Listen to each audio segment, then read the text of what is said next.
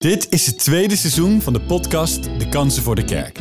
Waarin ik, Arnoud Drop, directeur van Alpha Nederland, op zoek ga naar de kansen voor de kerk in deze tijd. Elke aflevering spreek ik met een deskundige over dat ene, dat bijzondere. Waar ik gepassioneerd en hoopvol over ben, maar waar ik door diezelfde passie soms ook zo mee worstel. De kerk. Wat gaaf dat je deze zoektocht verder wilt volgen. Dat kun je alleen doen door ook zelf in de spiegel te kijken en te denken aan je eigen kerk. De tijd is niet stil blijven staan. Net als de ontwikkelingen in en rondom de kerk. Wat kunnen we leren van het toen, nu en straks? Dit is De Kansen voor de Kerk. In deze bonusaflevering spreek ik met Tim Hughes, kerkleider van Street Church in Birmingham. Je zou hem ook kunnen kennen als muziekschrijver en worshipleider van het lied Here I Am to Worship. In de zes jaar dat hun kerk nu bestaat, hebben ze al vier andere kerken geplant. Op alle fronten kijken ze over hun eigen kerkmuren heen en zoeken ze naar het ene verloren schaap. Deze podcast is een opname van een gesprek dat ik had met Tim op de New Wine Zomerconferentie en wordt vertaald door mijn collega Dorine Sommer. Tim zegt zelf: De kerk is de enige organisatie die activiteiten hoort te organiseren voor niet-leden. Op welke manier kan jouw kerk zich uitstrekken naar de mensen in jouw stad of dorp? Laat je inspireren door dit gesprek over groeien in discipelschap voor je persoonlijke leven, maar ook voor je kerk. Tim, welcome to the stage. Uh, Good morning. Good morning, Tim. Welcome to you all. Um, and welcome to you especially. Yesterday we talked about um, the primacy to mission. Gisteren hebben we het gehad over prioriteit bij missie. And today we're going to talk about discipleship, about growing and making disciples. En vandaag hebben we het over discipelschap, over groei en discipelen maken. And you, as a church leader in Guest Street, Birmingham, Guest Street Church, um, what do you think, or how do you think that the primacy to mission and discipleship, how does that work together? How does that is aligned? En hoe is dat voor jou als een kerkleider? Hoe is prioriteit bij missie en discipelschap? eh, hoe werkt dat samen in je kerk? Well, obviously, Jesus' command and encouragement for us is to go and make disciples. Jezus die moedigde ons aan om discipelen te maken. It wasn't to go and make converts. Het was niet om bekeerlingen te maken. And I think Jesus' will for each and every one of us is to see a whole life transformation. En Jezus wil voor iedereen een compleet getransformeerd leven. If our faith is more than just what we think, it's how we live, how we act. Ons geloof is meer dan wat we denken. Het gaat ook over ons doen, hoe we ons gedragen. It's how we live lives surrendered to Jesus and his teaching. Het gaat erover hoe we in ons leven ons onderwerpen aan Jezus onderwijs. then discipleship is very much missional. En dan is discipelschap echt missionair.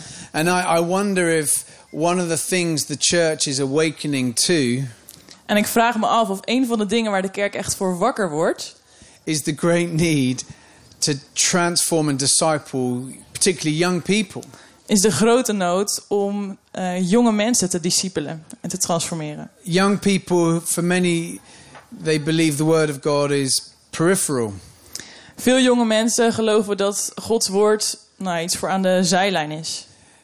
The, the things that form and shape young people aren't coming from the church, it's coming from the world. De dingen waardoor jonge mensen worden gevormd, komt vaak vanuit de wereld en niet vanuit Gods woord. And so if we think someone coming to church for an hour and a bit on a Sunday is going to be enough for them to live a free, transformed life, we're kidding ourselves. En als we denken dat die anderhalf uur op zondagochtend de transformatie gaan brengen, dan houden we onszelf voor de gek.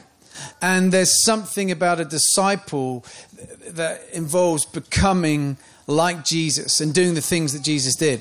En discipelschap gaat over worden als Jezus en doen wat Jezus deed. And we, we've talked about almost the three stages of discipleship. We hebben het over drie fases van discipelschap, discipelschap gehad. There's be with Jesus, Wees bij Jezus, worship, study, prayer, aanbid time in God's presence. Aanbid hem en eh, wees, breng tijd door in zijn aanwezigheid. cultivating a relationship with Jesus. Investeer in een relatie met Jezus. There's become like Jesus, Dan er is worden als Jezus. which we would believe very much happens again through Scripture, but also through the Spirit of God, changing us from the inside out. Wat gebeurt doordat de Heilige Geest ons van binnenuit verandert. Natuurlijk ook door het woord van God, maar van binnenuit transformatie. Which is why for Alpha, this Holy Spirit weekend is the key ingredient. En daarom is op Alpha het Heilige Geest weekend de Alpha- sleutel. Alpha without the Spirit weekend simply doesn't work. Alpha zonder de Heilige Geest werkt echt niet. So there's be with Jesus, become like Jesus. And if we do those two things, then we begin to do the things that Jesus did. Dus het begint met wees bij Jezus, tijd met Jezus. ehm, word als Jezus en dan ga je vanzelf ook doen wat Jezus deed. And that's what we long to see in our churches is people living lives like Jesus lived. En dat willen we zien in de kerk. Mensen die hun leven leven zoals Jezus leefde. hearts of compassion to those in need. Hartsvol com- compassie voor de mensen in nood. Speaking out against lies and corruption. Leugens ehm, tegenspreken en tegen corruptie ingaan. Demonstrating the power of God, His kingdom come. Het ervaren van de kracht van God en van zijn koninkrijk. And so I believe we cannot have effective mission without intentional discipleship. Dus ik geloof dat we niet eh, effectieve missie kunnen hebben als we, geen, als we niet intentioneel investeren in ons discipelschap. I also think we, we've seen a real desire in churches to grow fast. We hebben een groot verlangen gezien in kerken om snel te groeien. But just because a church is big and maybe influential Maar omdat een kerk groot is en misschien invloedrijk, doesn't necessarily mean it's bringing the kingdom of God here on earth as it is in heaven. hoeft dat nog niet te zeggen dat ze het koninkrijk hier op aarde brengen zoals het ook in de hemel is. And I think we're seeing a danger if there's a, a shallowness, a surface level faith. En het kan gevaarlijk zijn als we een oppervlakkigheid zien, een oppervlakkig geloof. It isn't enough for people when the challenges and the storms of life hit them. Want dat is niet genoeg wanneer de uitdagingen en de tegenslagen van het leven mensen overkomen. And so for us as a church, we've seen fast growth, lots of young people coming to Christ. En we hebben als kerk snelle groei gezien, veel jonge mensen die tot geloof komen.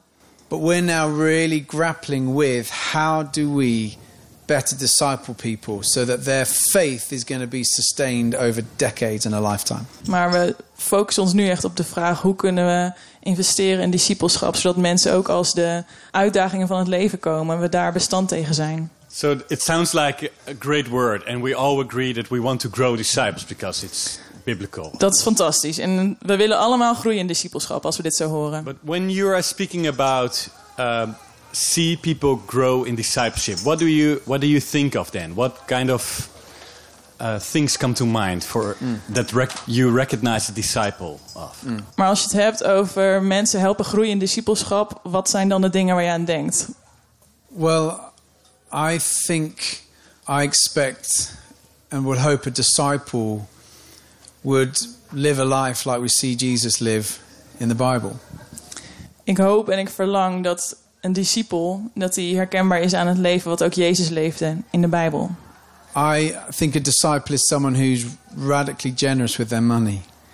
Een discipel is iemand die radicaal genereus is met zijn geld.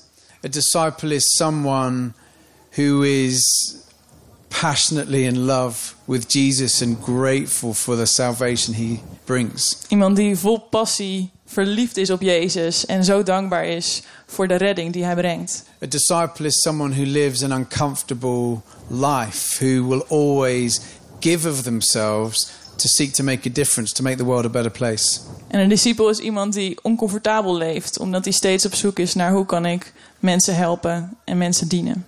I think a disciple is someone who's committed to community. Iemand die toegewijd is aan community, aan kleine groepen. Again, I think discipleship just cannot happen outside of community. Discipelschap kan niet gebeuren buiten community, buiten gemeenschap met andere mensen. It, fascinates me that Jesus called 12 disciples. Ik vind het fascinerend dat Jezus twaalf discipelen riep. And a massive part of his training was teaching. I mean, the Sermon on the Mount provided incredible input on what it means to be a disciple. Maar het grootste deel van zijn discipelschap was dat hij die twaalf mensen eh, onderwees. En de ehm, bergreden, dank. is daar een voorbeeld van. But a huge amount of their time was walking with Jesus, eating with Jesus, being with Jesus. Maar dat bij Jezus zijn was het grootste deel nog wel. Samen met Jezus wandelen, met hem eten en drinken. And so there's something about discipleship that can't simply be done through a program. Dus er is iets in discipelschap wat niet alleen maar door een programma kan gebeuren. Even Alpha is a program. You, we can't say, just do Alpha and you'll be discipled. Net als Alpha, dat is ook een programma. Dan kan je ook niet zeggen, doe Alpha en dan ben je een discipel. For me, key leaders who really opened their hearts and their homes to me were the significant disciples of my life, in my life. In mijn leven waren de meest belangrijke eh, mensen die mij discipelden... de mensen die hun leven, hun huis voor mij openstelden. But the other thing that interests me in the way Jesus discipled is En het andere ding wat ik interessant vind, wat mij fascineert in de manier waarop Jezus discipelt, the interaction between the 12 disciples. is de interactie tussen de twaalf discipelen. The way they wound each other up or disagreed. De manier waarop ze met elkaar hadden waren, of waarin ze het oneens zijn met elkaar. The comparison, the ego. Het vergelijken onderling, de ego's die opspelen. You know, who's going to be the greatest in heaven? Vying for top dog, top position, number one. Ze wilden allemaal de belangrijkste zijn. Wie is straks de belangrijkste, Rabbi? That was a way that actually God was able to help them to live a Christ centered life. En daardoorheen discipelde Jezus ze om Christ-like, eh, op Jezus te lijken in hun leven. So I, I, I think we need, we need intentional plans and strategies, but we need key relationships over a long period of time. Ze hebben intentionele plannen nodig, strategieën, maar we hebben vooral ook die relaties nodig om over een lange periode van tijd mensen te discipelen. So what you describe sounds like there's this aspect of skills Yeah. and an aspect of character. Yes. Dus als ik het goed hoor, beschrijf je eigenlijk een onderscheid tussen vaardigheden aan de ene kant en karakter aan de andere kant, die beide gevormd moeten worden. Looking at you as a church leader, you obviously want to have like the biggest church Yeah. in Birmingham and all the students come to Als- your church. Als kerkleider wil je waarschijnlijk de grootste kerk in Birmingham, alle studenten die naar je toe komen. But th- there is this growing. Some people think about when you grow as a church, it's about numbers. Yeah. Maar sommige mensen denken, kerkgroei, dat gaat alleen maar over de nummers, over de getallen. And on the other hand, you have growing, and that's more like in depth. Yeah. Maar je hebt ook groei die meer de diepte in kan gaan. And it feels often like it's a, sort of a, a tension. Yeah. Dat kan voelen als een spanningsveld. You either do this or that. But I know you uh, uh, in Birmingham, Gastry Church, you are touching both of those aspects. Can you unpack Yeah. for us how that works for you? What your vision as a church leader on that? Wat is jouw visie als kerkleider op dat spanningsveld? Want ik weet dat je dat in Birmingham, dat je op beide vlakken investeert. Dus zowel de groei in getallen als in diepgang. Something about Birmingham. Birmingham is the second largest city in the UK, Birmingham, Birmingham is de tweede grootste stad in Engeland. and it's demographically the youngest city in the whole of Europe. En het is demografisch gezien de jongste stad in heel Europa. And it's extraordinarily diverse. En het is extreem divers. And the church in Birmingham, like most of Europe, is dying fast. En de kerk in Birmingham, net als in veel andere plekken in Europa, sterft snel. And so we were planted seven years ago with a vision to reach the lost. En wij zijn zeven jaar geleden geplant, juist met die visie, om de mensen die verloren zijn te bereiken. Now, we're a church of all ages, but we are specifically really trying to reach 20s and 30s. We willen kerk zijn voor alle leeftijden, maar we willen vooral de twintigers en dertigers bereiken als kerk. And a former Archbishop Bishop of Canterbury once said this amazing thing En de voormalig bisschop van Canterbury zei het volgende. that the church is the only organization on planet Earth that exists for its non members. De kerk is de enige organisatie ter wereld die er bestaat voor de niet-leden. Most organizations are always thinking, how can we make this amazing for the people who are a part of our organization? De meeste organisaties denken vaak na over hoe kunnen we fantastisch zijn voor onze leden. Whereas the church, we are always thinking about everyone who's not sat in front of us. Terwijl we als kerk juist het tegenover moet, moeten doen, tegenovergesteld. We moeten nadenken over de mensen die niet voor onze neus zitten. So I'm always thinking about the parable of the shepherd who left the 99 sheep to find the one. En ik probeer altijd na te denken over het verhaal van Jezus over het verloren schaap. Jezus, die, de herder die de 99 achterliet voor when die a ene. church loses that drive, it dies. En als de kerk die focus verliest, dan sterft hij. Because the church was created to reach people with the gospel. Omdat de kerk gecreëerd is om mensen te bereiken met het evangelie. And so when a church is arguing about how loud the music is, Dus als een kerk discussieert over hoe hard mag de muziek zijn, whether the teaching is biblical, deep enough, is het onderwijs wel goed en bijbels genoeg? whether the coffee is good enough, Is de koffie wel goed genoeg? we're missing the whole point of that. There is a generation who do not know that God loves them. Dan missen we het hele punt. Dat er een generatie daar is die nog niet weet dat Jezus van ze houdt. So we've said day one from planting the church that we are always going to be seeking to reach unchurched people. Dus we hebben vanaf dag één gezegd, wij gaan steeds weer de focus hebben op de mensen die Jezus nog niet kennen. Die willen we bereiken. Alpha has been really important for us, Alpha is daarin belangrijk geweest voor ons. but every Sunday we're giving people opportunity to put their trust in Jesus. Maar we geven ook elke zondag mensen gelegenheid om hun vertrouwen aan Jezus te geven, hun leven. We have worked really hard to develop an invitational culture. We hebben er hard aan gewerkt om een uitnodigende cultuur te bouwen. By that I mean we're always encouraging people bring your friends. En daarmee bedoel ik, we moedigen mensen altijd aan, neem je vrienden mee, nodig ze uit. And what's amazing is uh, we did a survey recently and I think 94% of our church have invited a non-Christian friend to come at one point. En het is bizar, maar we hebben laatst een survey gedaan eh, en 94% van onze leden heeft wel eens iemand meegenomen naar de kerk. So we have to have a drive to think about how we get outside the safety of the four walls of the church. Dus we zijn gemotiveerd om na te denken over hoe kunnen we buiten de vier veilige muren van onze kerk bereiken en denken.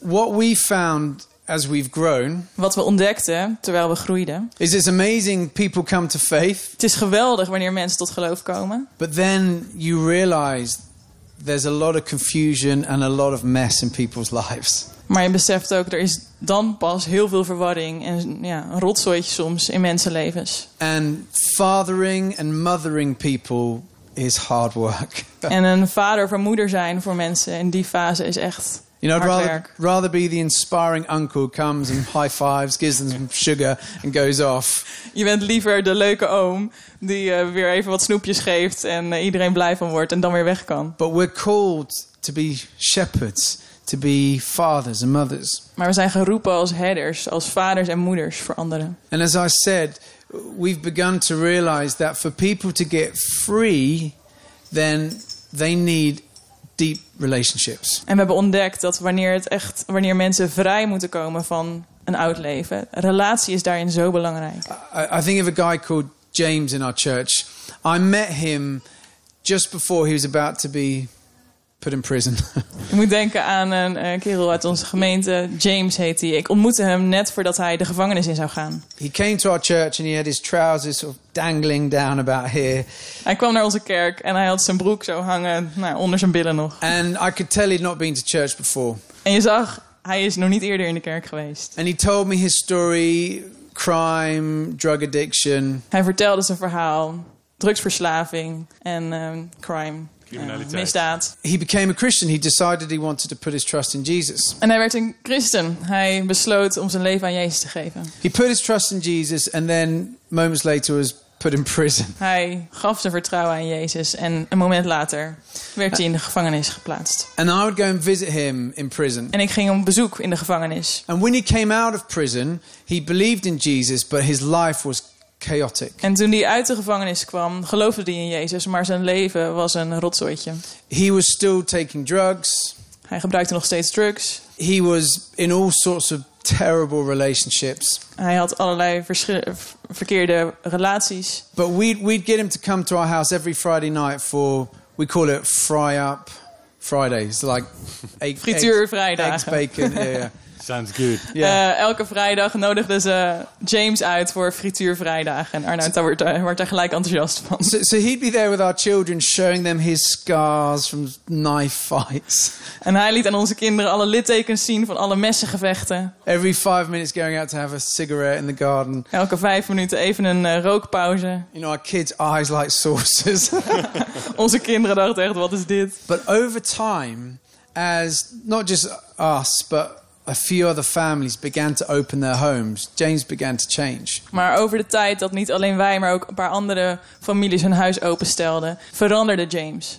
And one Sunday I spoke on forgiveness and the power of forgiveness. En ik sprak op een zondag een keer over vergeving en de kracht van vergeving. And he came forward and he told me that when he was younger, he was sexually assaulted, a violent crime. En hij kwam naar voren en vertelde dat toen hij jong was, dat hij seksueel misbruikt was. And that he just couldn't forgive his abuser. En dat hij zijn, zijn eh, misbruiker niet kon vergeven. And I said, James, you're going to have to forgive because that's the way of Jesus. En ik zei, James, je moet leren vergeven, want dat is de weg die Jezus ons leert. And after a bit of time, he said, Okay, I want to forgive. En na een tijdje zei hij, oké, ik wil vergeven. And he prayed this prayer of forgiveness. En hij bad het gebed van ehm, vergeving. And over the following weeks and months, we saw the most extraordinary change in James. En over de loop van weken en maanden zagen we echt een bizarre verandering in James. You see, he put his faith in Jesus Christ, Hij stelde zijn geloof in Jezus. but a disciple is someone who forgives. Maar een discipel is iemand die vergeeft. A disciple is someone who lives like Jesus. Een discipel is iemand die leeft zoals Jezus le- And as leefde. James began to do that, immersed in community and family, En toen Jezus, eh, eh, James dat leerde en opging in community hè, en die families, he began to change extraordinarily. veranderde James extreem. He's been sober now for three years. Hij is nu al drie jaar van de drugs. He's just finished a degree in business. Hij is net afgestudeerd in business studies. He's now going back into prisons to tell his story of transformation and forgiveness. Hij gaat nu terug in de gevangenis om zijn verhaal te delen over vergeving en transformatie. He's going to government to speak about the need to reach young men. Hij spreekt met de overheid over het belang van jonge mannen bereiken. But none of that could have happened were it not for people who would love James and spend lots of time with him. Maar dat was allemaal niet gebeurd als er geen mensen waren die intentioneel in die relatie met James investeerden en echt met hem optrokken. And what I saw in our church were four or five families who, if James was in trouble or bored or lonely, he would call them up. En in onze kerk zag ik dat er vier of vijf families waren dat die klaar stonden voor James als hij zich verveelde of als hij met een probleem zat. Dan belde hij hen. And so I believe in our churches, and there are so many of us who could do this, Er zijn zoveel van ons die dat zouden kunnen doen. just give time to people who are in need. Tijd geven aan mensen in nood. And give time to people who are brand new in their faith. En tijd geven die nog helemaal, aan mensen die nog helemaal nieuw zijn in hun geloof. And so we try and do some intentional discipleship, but we also try and really push people into small groups that can encourage those deeper relationships. Dus we zijn intentioneel over discipelschap, maar we moedigen mensen ook altijd aan om in een kleine groep te zitten. Want dat kan ook zo'n community zijn waar dat discipelschap ook vormt. Thank you. And, and I think that's an amazing story, an example of how someone changed Yeah. Dat is een mooi voorbeeld van hoe iemand kan veranderen. personally and becoming a disciple who makes others as a disciple himself. Yeah. Iemand die zelf verandert, maar ook weer discipelen see, maakt. just, just say, James is one of our greatest evangelists. James is nu een van onze grootste evangelisten. He prays for everyone. Hij bidt voor iedereen. He tells everyone he meets, work on the streets, about what Jesus has done for him. En hij vertelt iedereen die hij ontmoet wat Jezus heeft gedaan voor hem. And often, new disciples are the best evangelists. En heel vaak zijn nieuwe discipelen juist de beste evangelisten. And he came from far away. But I also know that many of us here, we don't have all the types of James in our churches who go to prison tomorrow. And of course, I know these stories, they are amazing, especially on stage. Ik weet dat deze verhalen geweldig zijn. They, they do well. Maar het is niet zo dat wij in onze kerken allemaal van die figuren hebben. Allemaal James eh, voorbeelden. And I and I what I hear in your story is I know what it is being discipled myself. That's what I hear. That's how you do it. Wanneer ik je hoor praten, hoor ik je eigenlijk ook zeggen dat je zelf weet wat het betekent om gediscipeld te worden. So tell us, may- maybe you haven't been in prison yourself, so that would be that would be. But tell us, How- who invested in you, Yeah. and how did you grow to the place where you are now as a, first a worship leader and now a church leader? What happened? Wie heeft er in jou geïnvesteerd? Eh, hoe ben jij de, de man geworden die je nu bent? Eerst een aanbiddingsleider en nu een kerkleider. Misschien heb je niet in de gevangenis gezeten, maar Yeah, so I think that I can identify a couple of ways I was discipled. Er zijn een paar manieren waarop ik gediscipeld ben. First was my parents. Eerst door mijn ouders. And I, I think sometimes, often, discipleship is by osmosis, Oeh. a biological term. You know, we're like passes through the cells of a plant. Is that? Ah, dit is iets met biologie, daar ben ik zo slecht in. Zelfverdeling. Oké, try again. Exchange of fluids between, like for plants and So the whole sentence again. disciple. Okay, another way of putting it: Thank you. discipleship rubs off on you. Discipelschap is besmettelijk. You, you, you're, you're in the presence of someone and you begin to speak like them. Je bent bij iemand en je begint je te gedragen als die persoon. Have you ever sometimes seen pets can look like their owners? Soms kunnen honden op hun eigenaren lijken. I watched my parents read the Bible every day. Ik keek toe hoe mijn ouders elke dag de Bijbel lazen. I watched them sacrificially choose generosity when it was hard. Ik zag hoe ze eh, vrijgevigheid prioriteerden, ook al was dat moeilijk. I watched them open up their homes for people to come and stay who didn't have a bed for the night. Ik zag hoe gastvrij ze waren, dat mensen bij ons konden slapen als ze die nacht geen bed hadden. I never remember them sitting me down and saying, being a Christian means you're generous. Ik herinner me niet dat ze ooit tegen me hebben gezegd: christen zijn betekent dat je vrijgevig bent. I saw and then I understood. Maar ik leerde het doordat ik het eh, zag doen. So that was key for me. And so Rachel and I, at times, have had young people living with us so that we can encourage and disciple them. Dat was voor mij echt heel belangrijk. Dus daarom zijn Rachel en ik ook intentioneel bezig jonge mensen de gelegenheid te geven bij ons te wonen en te kijken hoe wij leven. But the other person who significantly discipled me was a guy called Mike Pilavacci. En een andere figuur die erg in mij heeft geïnvesteerd, heeft gediscipeld, was Mike Pilavacci. He runs a big youth event in the UK called Soul Survivor. Hij eh, eh, runt Soul Survivor, dat kennen we in Nederland ook, denk ik. And from the age of 11, he would encourage me. V- you were 11? I was 11, uh, wa- once I was 11. yes. Toen Tim 11 was, Every- werd, everyone here was once 11.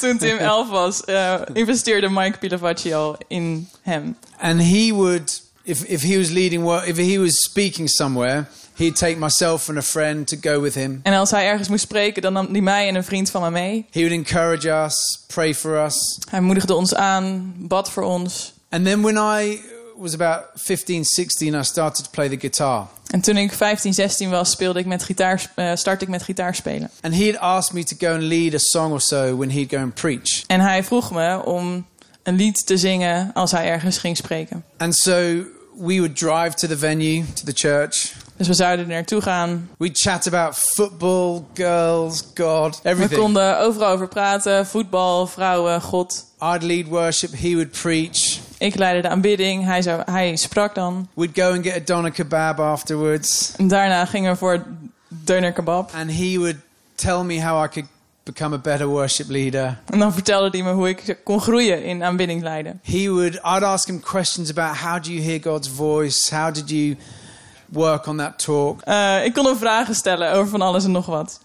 And over years, Mike encouraged me and gave me opportunity to lead. En door de jaren heen moedigde Mike me aan en gaf hij me mogelijkheid, ruimte om te leiden. Quite simply, I wouldn't be doing what I do today were it not for Mike's investment in my life. Ik zou niet doen wat ik vandaag doe als, het niet, als Mike niet in mij had geïnvesteerd. And I remember once when I was 19 leading at this big, big festival. En ik herinner me, toen ik 19 was, toen leidde ik op een groot festival. In fact, it was New Wine, England. New Wine in Engeland. It was the first time I was going to lead worship at an event of that size. En dat was de eerste keer dat ik aanbidding zou leiden op een zo'n groot evenement. And the day before it was about to start, Mike said, Tim, there's this 16 year old guy who's going to lead with you. En de dag voordat ik zou starten, zei hij tegen me: Tim, er gaat een 16-jarige met je meedoen.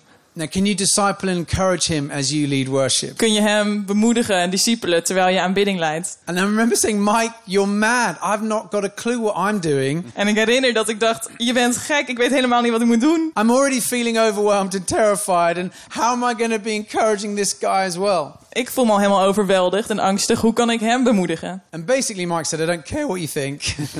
en Mike zei: maakt me niet uit wat je denkt. Anything you've learned, pass it on. Wat je ook hebt geleerd, geef het door. And from that moment forward, that's how I've lived my Christian life. En vanaf dat moment heb ik op die manier mijn christelijke leven geleefd. Always made sure there's someone younger or less experienced by me. En ik heb er altijd voor gezorgd dat er een jonger of minder ervaren persoon naast mij staat. And I've always tried to create opportunity for young leaders to come through. Ik heb altijd ruimte gemaakt voor jonge leiders om te ontwikkelen en door te groeien. And I honestly believe leaders who do that will release so much fruit and blessing. En leiders die dat doen, die brengen zoveel vrucht en zegen voort. So I'm very grateful for Mike. Yeah. Dus ik ben heel dankbaar voor Mike. And that sounds, honestly, that sounds like something that we could all do. Just Exactly. teach others what we've learned. Yeah. En dat klinkt super simpel. Dat zouden we eigenlijk allemaal kunnen doen. So we touched a bit on the why of discipleship Yeah. and the what. Yeah. Um, tell us a bit more in, in your church. Yeah. What does it look like? How do you do discipleship? Is there a program, a course, or uh, is everyone welcomed in your house now on the Fridays? Because then I know when to join you.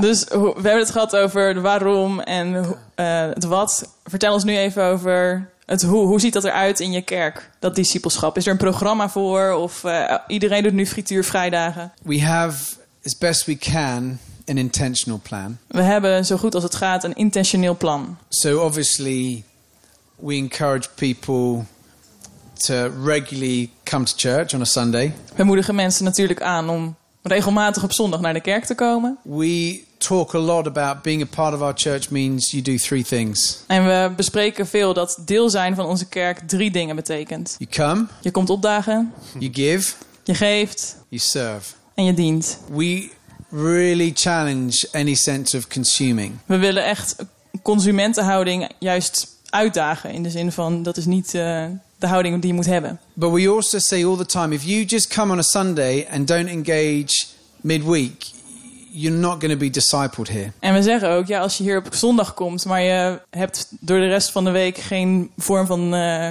community, dan word je niet gediscipeld. So we try and push everyone into midweek small groups. Dus we moedigen iedereen aan om in eh, eh, door de week small groups te zitten. Kleine groepen. And there'll be a bunch of different things from Bible studies to courses on prayer. En die kunnen allerlei vormen hebben, van bijbelstudies of eh gebedscursus. And in those groups, we train the leaders to try and best disciple the people there. En de leiders van die kleine groepen zijn getraind om de mensen in hun kleine groep te discipelen. So we have a few things that try and catch people and best help disciple. We hebben een paar dingen die mensen helpen om ze te discipelen. But there's this other part of discipleship, which is the opening of homes, opening of lives, coffees, meals. Er is dus ook dat deel van discipelschap wat echt gaat over je huis openstellen, je maaltijden, je koffie met anderen delen. which you can't force. En dat kan je niet afdwingen. You can't say to someone, right, you are going to be mentored by you. En je kan niet zomaar zeggen, jij gaat discipeld worden door hen. Because they get together and think, I don't like you. Want ze komen samen en denken dan, ik vind jou niet leuk. There's something organic about identifying people you click with or connect with, Dat is iets organisch. De mensen waar je goed mee klikt. but then finding time to be with them. Maar dan moet je nog wel tijd vinden om met hen tijd door te brengen. But we do encourage a culture of discipleship. En we moedigen dat aan, die cultuur van discipelschap. And so for our church, Rachel and I, as the leaders, we are always trying to intentionally disciple a group of people. Dus Rachel en ik als leiders proberen intentioneel een groep te discipelen. And then what we see is people think, oh, well, I could maybe disciple a few people. En wat er dan vanzelf gebeurt is dat mensen in die groep denken... oh, ik kan ook wel een groepje mensen discipelen. And then this theme, this vision begins to run through the family and community. En dan gaat dat vanzelf als een visie door de eh, familie heen. Door de community. And so I'd say the other thing we do intentionally is we, we invest strongly in leadership development. En we investeren intentioneel in leiderschapsontwikkeling. So we run a leadership program every term Dus elk seizoen eh, organiseren we een leiderschapsprogramma. where we'll take 30 or 40 leaders from the church En daarin eh, hebben we dan 30 of 40 leiders uit de kerk. and we'll train them on calling, character, En we trainen ze over roeping, karakter, teams, teams stepping out with new adventures. nieuwe avonturen aangaan. And each program, we identify new leaders En elk programma identificeren we weer nieuwe leiders. by asking our current leaders can you nominate two emerging leaders that you're aware of in your small group? Door de huidige leiders te vragen, zijn er twee potentiële leiders. And so we're constantly identifying new leaders that we can train and disciple. Dus er worden er steeds weer nieuwe leiders eh, aange, of, ja, aangewezen waar geïnvesteerd in kan worden. And that's helped us keep on discipling people, Dat heeft ons enorm geholpen om mensen te blijven discipelen. but it's helped us also to keep identifying new leaders, which enables us to grow. Maar dat helpt ons ook om nieuwe leiders aan te moedigen, waardoor we kunnen groeien als kerk. And so, I I mean, I don't know if you're next great around how we f- send out leaders. Go ahead. So, If you like, yes. We'd love to hear. because again, the danger is there's no space for new disciples to lead. Het gevaar is dat er geen ruimte is voor nieuwe discipelen om te gaan leiden. And we must create spaces of discomfort if we're going to see leaders grow. We moeten echt ruimte maken die oncomfortabel is voor, voor nieuwe leiders om te groeien in leiderschap. So, a key strategy for us is church planting. Dus voor ons is kerkplanting een heel belangrijke strategie. Um, and we, we are passionate about church planting because, number one, I think it's the most effective form of evangelism. Ik ben heel enthousiast over kerkplanting, omdat het in de eerste plaats, ik denk dat het een heel effectieve vorm is van evangelisatie. All the studies and data show that church plants are much more likely to reach new people than older churches. Studies duiden, eh, tonen duidelijk aan dat een kerkplanting veel meer kans heeft om niet-gelovige mensen te bereiken. And so we have now planted, I think, five churches in the last six years. Dus we hebben in de afgelopen zes jaar vijf ker- kerken geplant. That means new people are being reached in new areas of the city. Dat betekent dat er nieuwe mensen worden bereikt in nieuwe delen van onze stad. But the other reason we plant is because it keeps creating space for new leaders. Maar we doen dat ook, die kerkplanting, omdat er dan nieuwe ruimte ontstaat voor leiders. So when we plant a church, we try and send a team of 25 people to go. Dus wanneer we een kerk planten, dan proberen we 25, een team van 25 mensen naar zo'n kerkplant. And suddenly, this 25 are leading worship, En opeens gaan die 25 de aanbidding leiden, they're leading all the children's work, het kinderwerk. they're praying like crazy, Ze bidden als gekken. they're giving more because they're invested. Ze geven meer omdat ze nog meer eigenaarschap voelen. And so they're rising up in their leadership abilities. Dus zij groeien in hun leiderschapscapaciteit. And them leaving creates space for us. En doordat zij weggaan uit eh, onze kerk, komt er weer nieuwe ruimte. Suddenly, we've lost our brilliant youth worker. Opeens is onze geweldige jeugdwerker weg. And someone else has to step up to start doing the youth. En dan moet iemand anders dat gaan doen. And usually, what you find is there's people there that are brilliant, but they need a kick up the backside and they need an opportunity to lead. En vaak, dat zal je zien, zijn er mensen die daar fantastisch in kunnen zijn. Ze hebben alleen een schop onder de kont nodig om die kans te pakken. Die ruimte te voelen. Every time we planted a church, I think, oh, we'll now struggle. En elke keer als we een kerk planten, dan denk ik, oei, nu gaan wij worstelen. But it seems that we've kept growing Maar wij blijven ook groeien. and these church plants are growing and it's wonderful. En die kerkplant groeien ook. Fantastisch. So I take, how do we plant churches? De vraag is, hoe plant je een kerk en hoe blijft die groeien? So we were planted out of a church in London called Holy Trinity Brompton, HTB. Wij zijn geplant uit Holy, Holy Trinity Brompton, Which een kerk uit Londen, waar ook Alpha is ontstaan. Home of Alpha. So we, we've seen the vision to plant churches. We hebben die visie meegekregen, die visie van kerkplanting. I'm fully signed up to the theology and the thinking behind why it's urgent and necessary. Ik sta er compleet achter, achter de visie waarom kerkplanting nodig is, noodzakelijk. And so from day one, we were thinking, how and when do we do this? Dus vanaf de eerste dag, toen wij daar kwamen, dachten we al na, hoe gaan wij kerkplanting doen? Now, also, I'm a part of the Church of England. I'm a vicar in the Church of England. En ik ben een eh, dominee in de kerk van de officiële staatskerk in Engeland. And our bishop is passionate about church planting. En onze bisschop is gepassioneerd over kerkplanting. Our bishop has said that in Birmingham, the church attendance is declining very, very fast. En hij heeft gezegd, in Birmingham, de, sta- de stad waar Tim en Rachel kerk hebben, daar gaat het, het eh, lidmaatschap van kerken sterk achteruit. And so their strategy is if we're going to see a reversal, we need a church plant. Dus de visie is, als we dat willen zien veranderen, dan moeten we kerken planten. And so they're working with us. Dus zij werken met ons mee. They're saying, can we plant a church in this part of the city? Here's an empty building. Would this area work? Dus ze zeggen, hier staat een leeg kerkgebouw in deze buurt. And so that partnership is really key, really helpful. En dat partners, eh, partnerschap helpt, on- helpt ons enorm. And so we find an area, we find a building, Dus we vinden dan een, een gebied, een gebouw. and then we will identify a leader. En dan identificeren we een leider. Someone who I think leaders need to be great at gathering people Iemand die heel goed is in het verzamelen van mensen. and they need to be visionary. En ze moeten visie kunnen uitdragen. I've, I've seen that people will go on a church plant predominantly for two reasons. En ik heb mensen een kerk zien planten voor vooral twee redenen. One is the vision, they want to be part of an adventure. Eén, de visie. Ze willen deel zijn van een avontuur. And the second thing is that they like the leader who's leading it. En het tweede is dat ze de leider die het leidt leuk vinden. So I think of our, our most recent plant.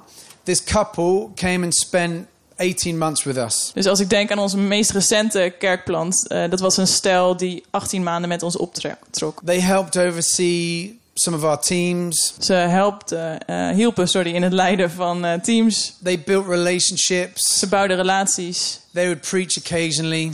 Ze preekten. And they were amazing at building friendship. Ze waren supergoed in het bouwen van vriendschap. So when they said, We are going to plant this church here, Dus toen zij zeiden, wij gaan daar een kerk planten, 45 people said, We want to go with you. zeiden eh, 45 mensen, ja, daar willen we wel mee. And I was like, Ah, that's too many.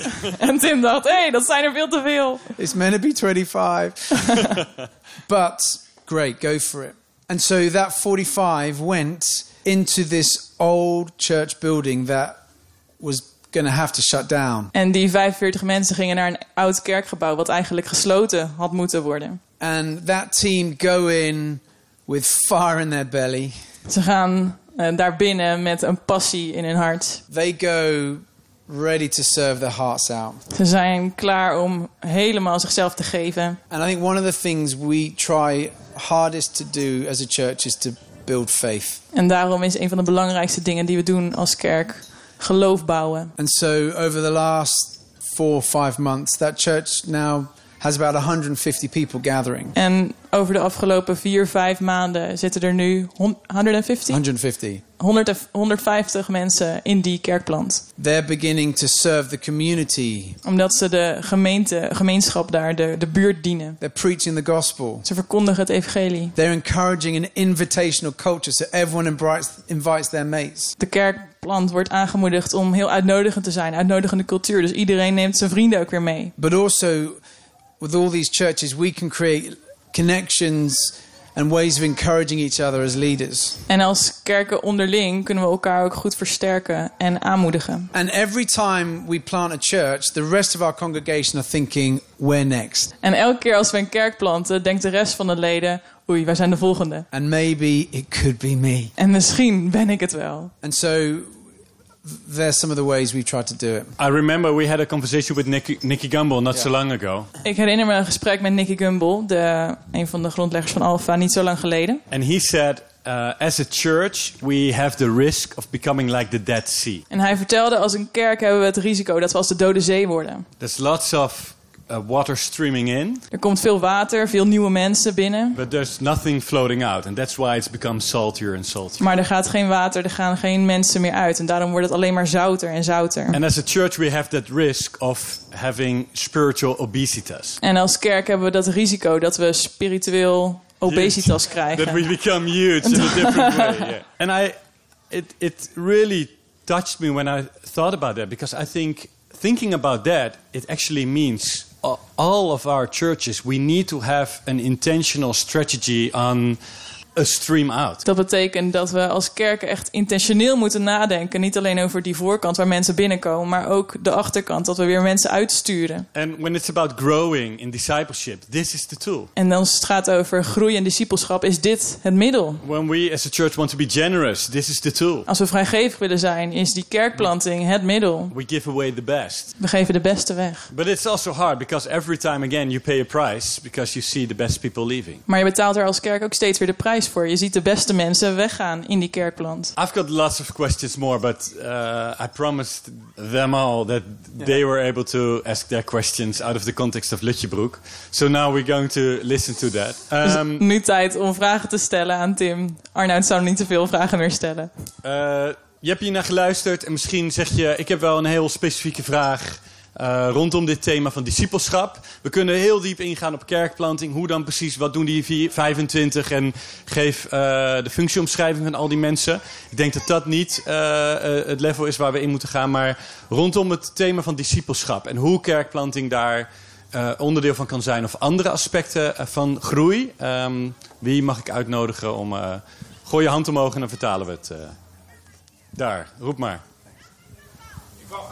Ja, dus de kleine groepen uh, die niet per se alleen maar geografisch worden bepaald of uh, uh, opgelegd. Maar hoe dan wel? Uh, en wat is daar precies de, uh, het thema achter en de gedachte achter? Kun je dat nog een klein beetje uitpakken voor ons? Yes, so with our small groups, we read a great book called Activate. Met onze kleine groepen. We hebben een fantastisch boek gelezen dat heet Activate. And their, their model is that in England we have like three academic terms a year. Do you have the equivalent? Um, ja, we hebben twee academische seizoenen in, uh, in Nederland. And so lots of our groups at the end of the term, which is about 10 weeks, En onze kleine groepen zijn aan het einde van zo'n seizoen. Nou, in Engeland is dat dan tien weken. they'll decide whether they're going to carry on again or whether they're going to stop. Dan besluiten ze, gaan we weer verder als kleine groep of stoppen we?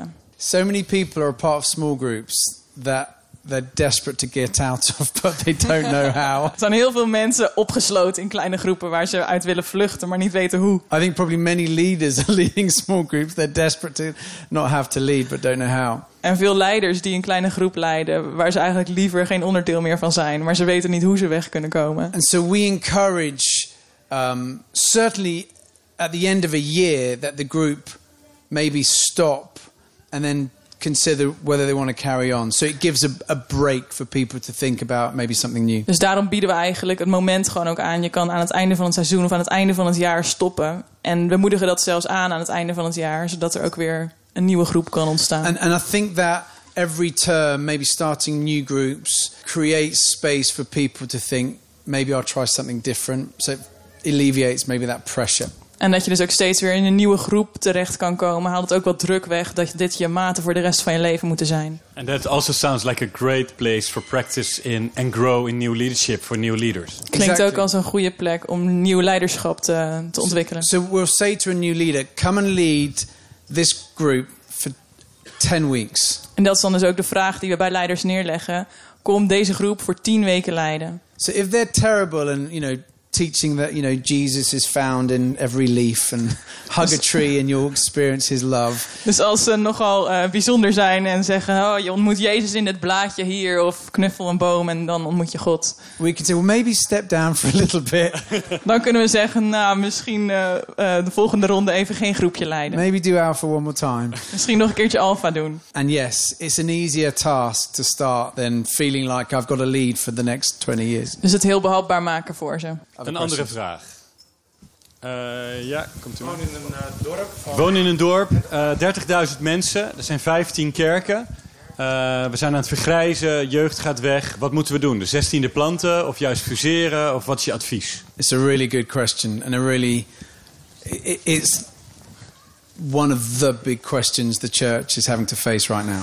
Dat is een van de grote vragen waar de kerk vandaag de dag mee worstelt. In the whole of Birmingham, a city of 1.5 million people. In Birmingham, waar anderhalf miljoen mensen wonen. In the Church of England, the church I'm a part of, In de kerk van Engeland, een beetje PKN in Engeland. there are only 300 children aged 0 to 16 that go to church on a Sunday. Er zijn er maar 300 kinderen van tussen 0 en 6, 16. So we are in crisis management. Dus we zitten in crisismanagement. And so to think that just tweaking little things is going to suddenly make the difference, I think is crazy. Dus om dan te denken dat kleine dingetjes veranderen en wel die grote verandering zien, dat is denk ik gek. I think we have to be in really intentional in reaching out to young people. Ik denk dat we echt heel intentioneel moeten zijn in het bereiken van jonge mensen. And the challenge perhaps with a church that's getting older demographically En de uitdaging van een kerk die steeds ouder wordt, demografisch gezien, is they're probably not going to want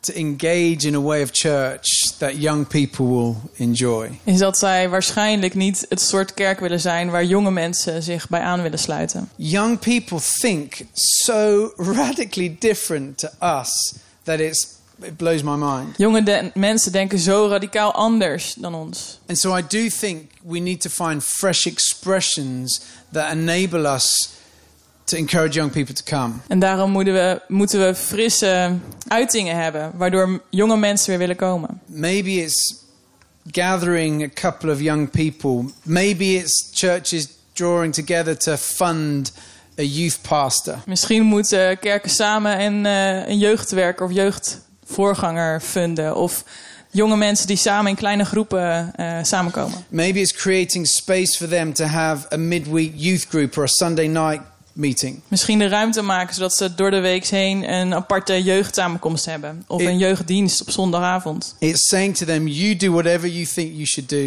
Eigenlijk moet je zeggen, doe wat jij denkt dat je moet doen.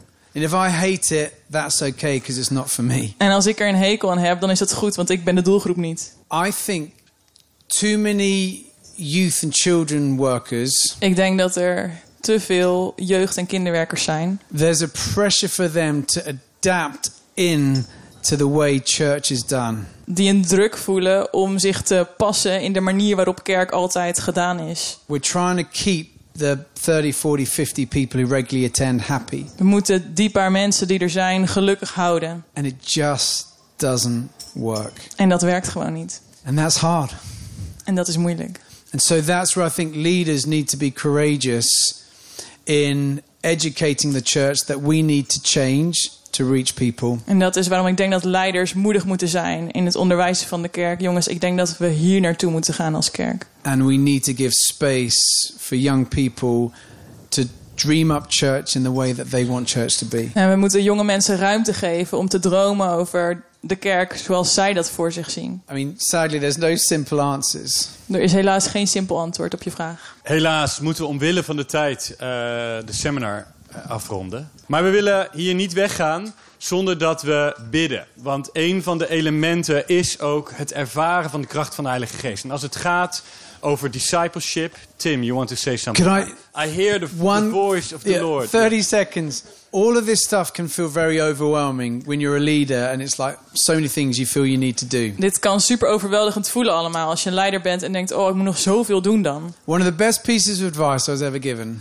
Een van de beste adviezen die ik ooit heb gekregen is do for one what you'd love to do for many. is: doe voor één persoon wat je voor velen zou willen doen. So all of us probably after new wine Dus waarschijnlijk willen we allemaal na New Wine could do one thing for someone. in ieder geval voor die ene persoon iets doen. You'd love to do it for many, but you just can't. Misschien zou je het voor heel veel willen doen, maar kan je dat nog niet? But just that one thing could be your next step and could make such a difference. Doe dan alvast dat ene voor die ene persoon. Dat kan al zo'n verschil maken. And if we all did that one thing, suddenly things begin to change. En als we dat allemaal doen, dan begint er wat te veranderen. That was gold. Thank you. That was really good.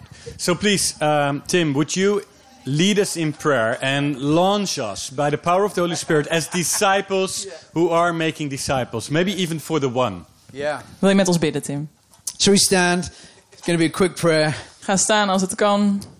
Jesus, we thank you that you have called us and you have anointed us. Jezus, we danken u dat u ons geroepen heeft en gezalfd heeft. Thank you that the salvation of the world isn't resting on our shoulders. Dank u wel dat de redding van de wereld niet op onze schouders rust. Thank you that you have a plan and a purpose for us. Dank u wel dat u een plan en een doel heeft met ons. Thank you that we can all play our part. Dank u wel dat we allemaal onze rol mogen spelen. And Lord, I pray that you would anoint each and every one of us to be who you've made us to be. Vader, ik bid dat u elk van ons helpt om te zijn zoals u wilt dat we zijn. so that we might see your church being built and equipped to reach the lost. Zodat we uw kerk toegerust zien worden. Om I de pray- mensen te bereiken die we nog niet I bereiken. pray for every church here that we begin to see one, two, three, 12, 20 people coming to Christ over the next year. En ik bid voor elke kerk die hier vertegenwoordigd is... dat we 1, 2, 20 meer mensen nog tot geloof gaan zien komen. Lord, even small signs of life amongst young people returning to church. Jonge mensen die weer terugkeren naar de kerk. Give us courage to make bold plans. Geef ons de moed om grote plannen te maken. But Lord, would you raise up young leaders as well who can speak and understand the language of a younger generation? En help om jonge leiders op te staan die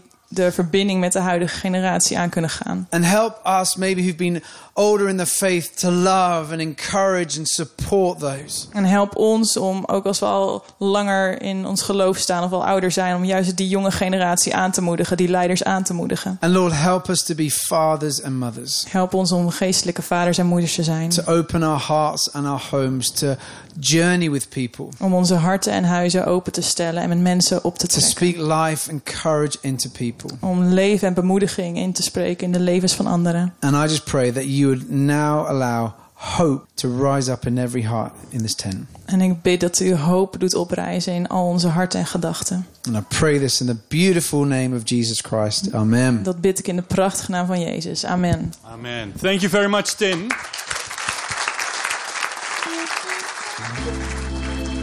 Bedankt voor het luisteren naar De Kansen voor de Kerk. Abonneer je op deze podcast, dan mis je de volgende aflevering niet. Ik hoop dat mijn zoektocht en deze gesprekken ook jou inspireren om na te denken over je eigen kerk. Deel deze podcast met je kring of studiegroep en je kerkleiders. Kijk op dekansenvoordekerk.nl, want de kansen kunnen worden benut.